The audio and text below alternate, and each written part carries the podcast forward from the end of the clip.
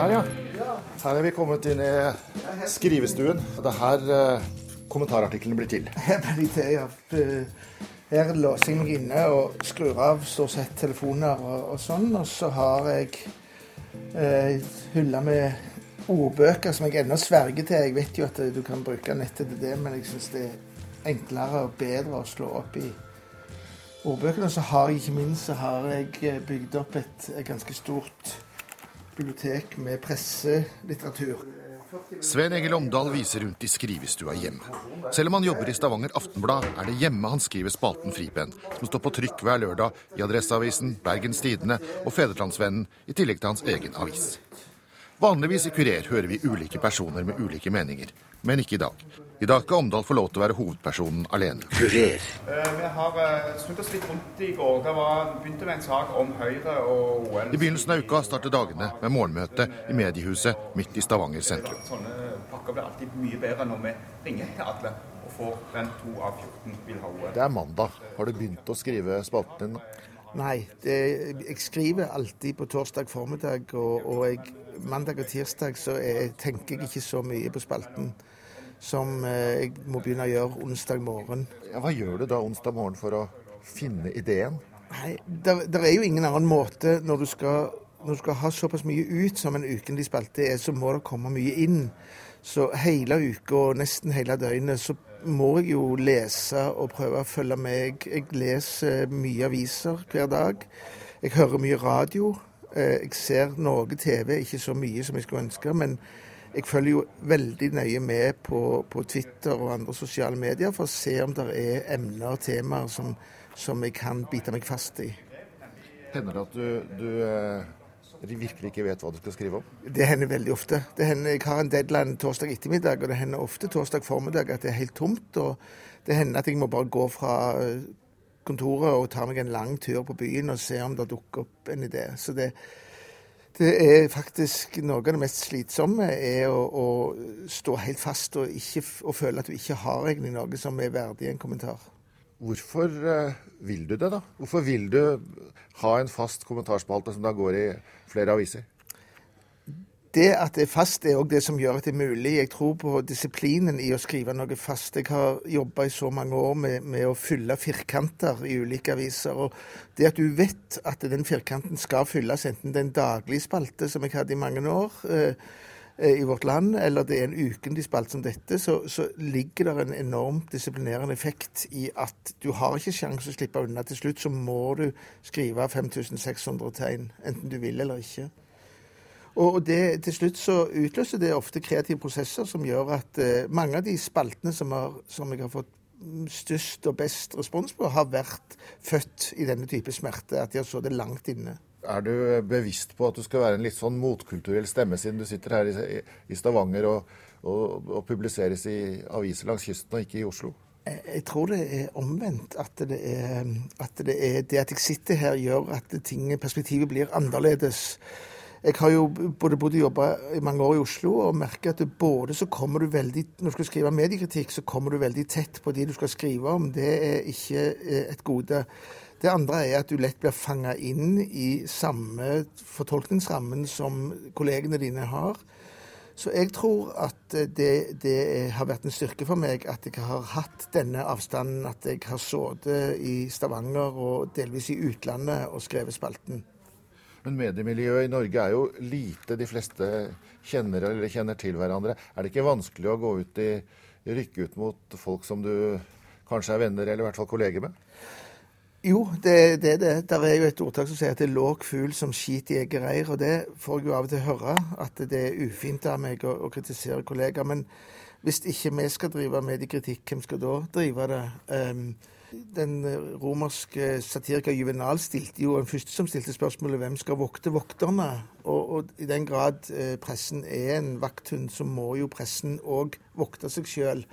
Det er ingen andre som kan gjøre det med den samme innsikt og kompetanse som pressefolk skal gjøre. Og heldigvis så har det jo blitt sånn med årene at flere redaksjoner har utvikla mediekritikk som var sjelden. Når jeg begynte med det, så var det ingen andre som hadde fast mediekritikk. Nå, nå, er det jo det både i Aftenposten, Dagbladet og andre steder. Du bruker jo veldig mye faktaopplysninger, historier som du uh, setter sammen i, i disse uh, kommentarene dine. Uh, hvor henter du alle faktaene fra? Fakt, alt må bygge på fakta. Altså, Kommentarer som ikke har et fundament i fakta, er, blir veldig ofte veldig eh, fort uinteressante. Så jeg prøver eh, veldig ofte å, å, veve inn så mye fakta jeg kan for å underbygge resonnementene mine. Og det betyr jo ofte at det tar mer tid i researchfasen enn bare å sette seg ned og, og mene noe ute i lufta. Det farligste for en kommentator er jo ikke å bli tatt på at du har noen aparte meninger, men det at du feiler, at du ikke har forstått et tema godt nok. Men du, er det sånn at du går rundt og husker på alt det, de faktaene? Altså at du har lest det en gang og klarer å hente det, hente det inn igjen? Nei, men jeg har et ganske intrikat system med å gjemme informasjonen og organisere det i, eh, både i mapper. Jeg bruker et system der jeg lager en slags digitale bøker over temaer som jeg følger, sånn at jeg har på en måte et digitalt bibliotek av temaer som kommer tilbake igjen. Så, og det bruker jeg systematisk. Jeg, jeg, jeg, lagrer ting jeg finner på sosiale medier, på andre ting jeg leser. så kan, det ville vært umulig å starte på bar bakke eh, hver eneste uke. Jeg gjør av og til det, men, men, jeg hadde ikke klart å gjøre det hver uke. Er det ofte at du blir tatt i feil, da? Eh, det hender, men det er heldigvis ikke ofte. Det, er, det har hendt at jeg har misforstått ting, eller at jeg har hatt en faktaopplysning som var feilaktig. Da har jeg prøvd å korrigere det i nettutgaven, men, men det som står på trykk, det står jo på trykk. Hvilke emner innenfor mediene er det du syns er viktigst? Hva er det du er mest opptatt av? Jeg har jobba veldig mye med etikk og etiske spørsmål og standarden, den etiske standarden, så det har jeg jo konsekvent kommet vendt tilbake til. Men de siste åra har jeg jo òg engasjert meg veldig i eh, journalistikkens rolle og funksjon når mediene er, og spesielt papiravisene, er under så enormt press som de er, hvor hele fundamentet som dagspressen hviler på, er trua. Så da har jeg òg skrevet om hvordan vi skal hindre at journalistikken blir korrumpert og ødelagt pga det økonomiske presset. Jeg har prøvd å skrive om hvordan hun kan utvikle en mediepolitikk som sikrer at vi fortsatt har det offentlige gode som journalistikken er, i det omfang og den kvalitet som det norske samfunn trenger for å fungere. Hvordan, hvordan skal det gå? Hvordan skal vi berge journalistikken? Det, det er det store spørsmålet. Um, um, når, når, vi ser nedskjæringene, ser kuttene i budsjettene og ser at fantastisk gode kollegaer går ut dørene med en sluttpakke her, så er det veldig lett å bli fatalistisk. Så da er det enormt viktig å snu på det og si at eh, journalistikken må på en eller annen måte overleve. Vi vet ikke riktig i dag hvordan den skal finansieres i framtida, men, men, hvis vi ikke har eh, nok god journalistikk, så vil òg samfunnet bli korrumpert. Kurer. Kommentarene står altså på trykk hver lørdag. Her er noen av innledningene til Fripenn-kommentarene til Lomdal fra det siste tida. Facebook-Norge er et annet land. Facebook-nordmenn bryr seg om hverandre. De liker bønder og respekterer lærere, og Per Fugelli er deres konge. Det nasjonale minnesmerket over massakren på Utøya skal være et kløyvd nes. Nå må noen besinne seg, så vi ikke i stedet ender som et kløyvd folk. Israel seirer nok som vanlig på bakken og i luften. Men kampen om sinnene har de tapt. Det nytter ikke lenger å rope antisemitt til reporteren som står ved de døde barna. Det f.eks. Sissel Wold gjorde, var jo å utfordre den israelske fortellingen om denne krigen på Gaza ved å vise konsekvensene av den israelske bombingen. Og det mener jeg var ikke bare rett å gjøre, jeg mener det var hennes journalistiske plikt å gjøre det. Så jeg skrev en, en kommentar som heter Sissel Volds viktige menn. Altså at hus, når, når, eh, Israel snakket om sin presisjonsbombing, så sa hun menn, og så viste hun hvordan barn og, og sivile ble drept av disse bombene.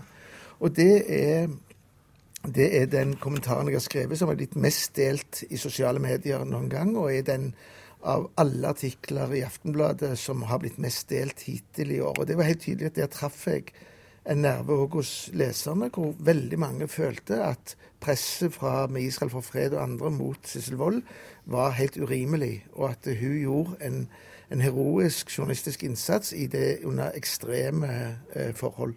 Og i august skrev han om Oslo-OL.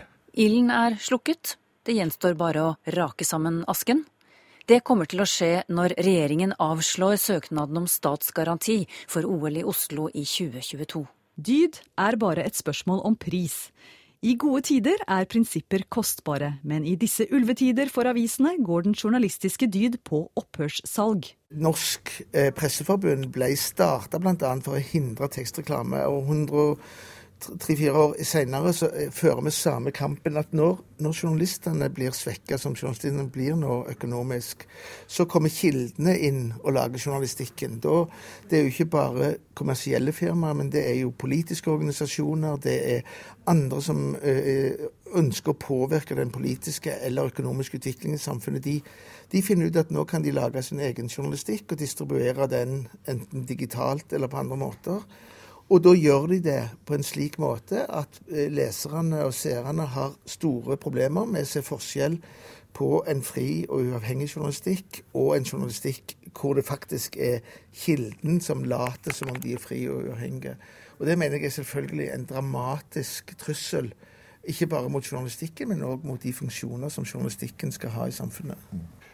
Når du ser at, eh, at, at, eh, ting som du har advart mot eller eh, skrevet om, når det, når det da skjer, og du får rett, er det en deilig følelse? Nei, det kommer an på. Hvis det er noe negativt, så er det jo en mer sånn at du blir litt lei deg. Dette har jeg jo advart mot. Det, det, burde folk tatt alvorlig. Men, men, jeg tror alle som skriver, alle kommentatorer har jo veldig lyst til å skrive den 'Hva var det jeg sa?'-spalten. Men det, jeg tror det er veldig lurt å utvise stor grad av selvdisiplin når den eh, lysten melder seg. Det, det er ingen som syns det er veldig sjarmerende at folk driver og sier at jeg hadde rett i det jeg skrev for to-tre år siden, eller noe slikt. Når det skjer. Vi, vi minner jo aldri leserne på de gangene vi tok feil for to-tre år siden. Nei. Hvor viktig er det når du skriver å ikke si det alle mener? Altså gå litt på tvers av uh, det som alle går rundt og sier? Eh, folk liker jo uh, at noen gir uttrykk for det de sjøl mener, men, men, det er en Du blir veldig fort uinteressant som skribent hvis du, hvis du bare taler på en måte flertallets syn. Jeg tror at det, det viktigste en, en, kommentator kan gjøre, det er å prøve å treffe en formulere en følelse som er i ferd med å melde seg hos folk, og gjerne en følelse som går mot strømmen. Hvis du er den første til å sette ord på en slags sånn gryende protest mot eh, en tendens i samfunnet, så får, får, du en enorm respons. Det er selvfølgelig fryktelig vanskelig, for du skal både se tendensen og, og skjønne at her er det noe jeg kan skrive om. Men, men de gangene jeg har gjort det, så merker jeg at da blir eh, responsen stor, og effekten ofte mye større enn hvis du bare er nok en stemme som sier det som, som veldig mange andre har sagt. Ja, Du snakker om at du blir delt mye på, på sosiale medier. Hvordan er det å, å oppleve at liksom, artiklene dine blir spredd langt utenfor de som leser de avisene du trykkes i? det er jo samtidig både veldig veldig hyggelig og veldig um, skremmende. fordi at Um, som alle andre som skriver, så har jeg jo et sånn prestasjonsangst uh, når du skal skrive ting som du vet blir lest av mange. Og jo flere som leser det, jo, jo sterkere blir jo denne her prestasjonsangsten. Så tidligere når, når, vi skrev, så skrev vi på en måte ut i et stort, tomt rom. med, med Artiklene våre sto på trykk, og så i beste fall så fikk vi noen brev eller en annen telefon Eh, nå hender det jo at en artikkel du har skrevet, eh, blir lest av eh, flere hundre tusen mennesker og blir delt i titusener av ganger på Facebook og, Twitter og andre steder. Og blir diskutert på en, en uendelig mengde forskjellige tråder på Facebook. Og det er klart, da, da, det gjør noe med deg som skribent at du du, du, du, skjerper deg, men samtidig så får du en sånn følelse av at, eh, at du må hele veien eh, levere ting på et nivå som, som, forsvarer den oppmerksomheten. Får du mye reaksjoner direkte til deg? Ja da, det får jeg for mye. Både mail og uh, Nå er det jo sånn, det, det, var, det flytter seg. Nå får jeg veldig mye henvendelser via de sosiale mediene. Enten via meldinger på Facebook eller på Twitter. Men er det, er det hyggelige henvendelser, eller er det en del som blir sinte på det? Eh, mitt inntrykk er at de som eh, er fornøyde, de sier fra på Facebook og Twitter. Og de som er misfornøyde, de skriver i kommentarfeltet under artiklene. Sånn at hvis jeg bare skulle lese kommentarfeltene, så ville jeg jo følt at det var nesten ikke noen som var enige med meg. Hvordan klarer du å ha så mye meninger? Eh, jeg tenker at alt i dette faget er fag. Altså det å, det å mm, altså Folk skriver redaktører skriver ledere hver dag, ofte to ledere. Selv om de ikke gjerne mener så sterkt, så må de gjøre det. Det er et fag. Og ikke bare ha meninger, men skaffe seg meninger. og det det får du ofte ved å lese deg opp på et tema, følge diskusjoner. Så om du ikke har en mening når du begynner, så vil du etter hvert som du kommer inn i en sak, eh, skaffe deg en mening. Tror du at eh, du ville vært mer rikssynser hvis du bodde i Oslo og ikke i Stavanger? Ja, det tror jeg helt sikkert. Det er klart at NRK har av og til går den korteste veien når de skal hente folk nå. Men jeg syns jo NRK kan anstrenge seg enda mye mer for å hente inn stemmer. Der er veldig gode stemmer eh, mange steder i landet, i Nord-Norge, langs kysten, som veldig sjelden er i de nasjonale debattene, eh, og som kunne bidra til å styrke eh, både faktainnholdet, men òg få andre perspektiver inn i de nasjonale debattene. Hvordan hadde det seg at du begynte å skrive sånne mediekommentarer? Det er veldig langt tilbake. Det var da jeg jobbet i Vårt Land på 80-tallet, hvor vi starta som først i Norge et sånn litt sånn tungt ukebilag hvor vi skulle kommentere ukens begivenheter. Og så hadde jeg helt fra jeg begynte som journalist Noe av det første jeg gjorde når jeg 18 år gammel begynte her i Stavanger Aftenblad, var å abonnere på noe som heter Columbia Journalism Review, som var i hvert fall på den tid verdens beste fagblad for journalistikk. Og der var det jo veldig mye pressekritikk. Jeg leste Ajod Liebling sin pressekritikk i The New Yorker og så at det var helt fantastisk å se hvordan velskrivende journalister kunne dissekere andre journalisters arbeid, og at det var en helt naturlig ting. I Norge fantes ikke det. Så jeg skrev eh, midt på 80-tallet en artikkel som heter 'Verdens gang slik VG ser den'. Eh, og det var eh, første gangen vi introduserte en spalte med mediekritikk, så vidt jeg vet, i, i, i moderne tid i norske aviser. og den vakte stor oppstandelse, og VG ble veldig forskrekka og kunne ikke skjønne eh, hva dette var for noe, og hvem jeg var som oppkasta meg til å kritisere det de drev med. Eh, så det, var, det, ble diskusjon på redaktørmøte i VG, og jeg ble stoppa i Akersgata av kolleger i VG som lurte på hvem jeg trodde jeg var, som kunne skrive om de. Men du har jo også drevet kritikk på litt eh, andre måter, ved å skrive humor?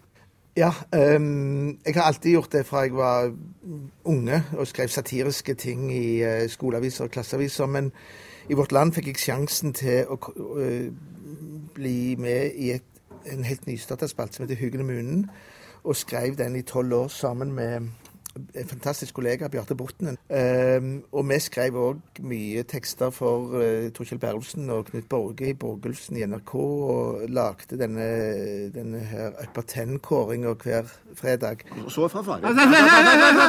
Ja, ja, ja. Og så, til sist, men først og størst og øverst blant de ypperste Superkvinnen som endelig førte Norge opp på internasjonalt nivå og gjenskapte de gode, gamle dager på arbeidsmarkedet. Statsminister Gro Harlem Brundtland. Det hun heter. Ja, det ja. tror jeg, ja, ja. Der Willoch sto og stampet med sine lusende 60 000 arbeidsledige, der overtok Gro og viste vei gjennom uføre og fram til dagens situasjon, der 123 000 mennesker er fritatt for det daglige blodslit på jobben. Dagens førsteplass og videre mot nye store mål. Hele folket over på full og varig fritid! Vi gratulerer! Ja! Det er ja! Du sier at du begynte som 18-åring. Hvordan var det mulig for en 18-åring å få avisjobb? du skjønner jo hvor gammel jeg er. Eh, jeg hadde skrevet jeg hadde skrevet skuespill som var blitt oppført. Jeg hadde skrevet noen noveller. Sånn at eh, når jeg gikk på arbeidskontoret for å få en jobb mens jeg tok om igjen matte eh, på videregående som hadde gått dårlig, så foreslo han på arbeidskontoret at jeg burde søke jobb i Aftenbladet. Jeg trodde ikke du søkte jobb i Aftenbladet, jeg trodde det var noe paven oppnevnte deg til. Jeg hadde en veldig respekt for Aftenbladet. Men redaktøren her visste hvem jeg var, bl.a. fordi at jeg var blitt intervjua av avisa i forbindelse med et skuespill jeg hadde skrevet. Så han tilbød meg da jobb, så jeg begynte her når jeg var 18. Så var det meninga at jeg skulle utdanne meg, men jeg tror jeg hadde vært her ei uke når jeg skjønte at her ville jeg aldri ut igjen. Så siden bare beit jeg meg fast, og fikk fast jobb etter relativt kort tid. og det er nå godt over 40 år siden. Det er ikke så mange 18-åringer som kan gjøre etter i dag? Nei, det er sikkert bra. Det er helt sikkert bra. Jeg har, jeg har en datter selv som studerer journalistikk, og jeg mener at eh, jeg vil aldri ansette en 18-åring i dag. Vi er tilbake i skrivestua hjemme hos eh, Sven Egil Omdal og titter i de imponerende bokhyllene. Har du lest alt dette her, da? Ja, det tror jeg jeg har lest det meste av. Det er jo ellers bøker i huset jeg ikke har lest, men akkurat de, de pressebøkene har jeg systematisk prøvd å jobbe meg gjennom. Og når du blir lei, så ser jeg du har en eh, godt utvalg DVD-er du kan det samlergenet i meg Jeg har samla en komplett samling eh, filmer som har fått Oscar som beste film. Fra Wings i 19, eh, og Sunrise i 1929 og fram til i dag. Noen hobby skal han jo ha. litt eh, Så har du en, et bibliotek til, ser jeg. Ja, eh, det har jeg. Det er huset faktisk bygd rundt dette biblioteket. som Det er et rundt rom med, med, med hyller rundt nesten hele. Eh, Det lærte jo arkitektene at det, det er grunnen til at eh, de mange store bibliotek i verden er runde, er jo at du får optimal veggplass eh, på den måten. Så det, og det Nå trodde Naboene her trodde vi skulle drive med sau når vi begynte å bygge en silo, da, men det er et fint sted å være blant bøkene. Ja, For det blir vel en vane også, det, det at man skal mene noe? Ja, du, ja det, det, jeg merker når jeg eh, en sjelden gang leser ei bok som jeg ikke skal anmelde, så, så merker jeg at det kribler eh, av og til i armen etter å notere noe i margen og, og finne fram en notatbok. Det, så det blir en jeg mener, det blir ikke bare en vane, det blir òg en uvane. Du, du blir litt eh, så opphengt i det at du Jeg sliter av og til med å slappe av og bare lese en bok for min egen fornøyelses skyld. Men å ta ferie, da?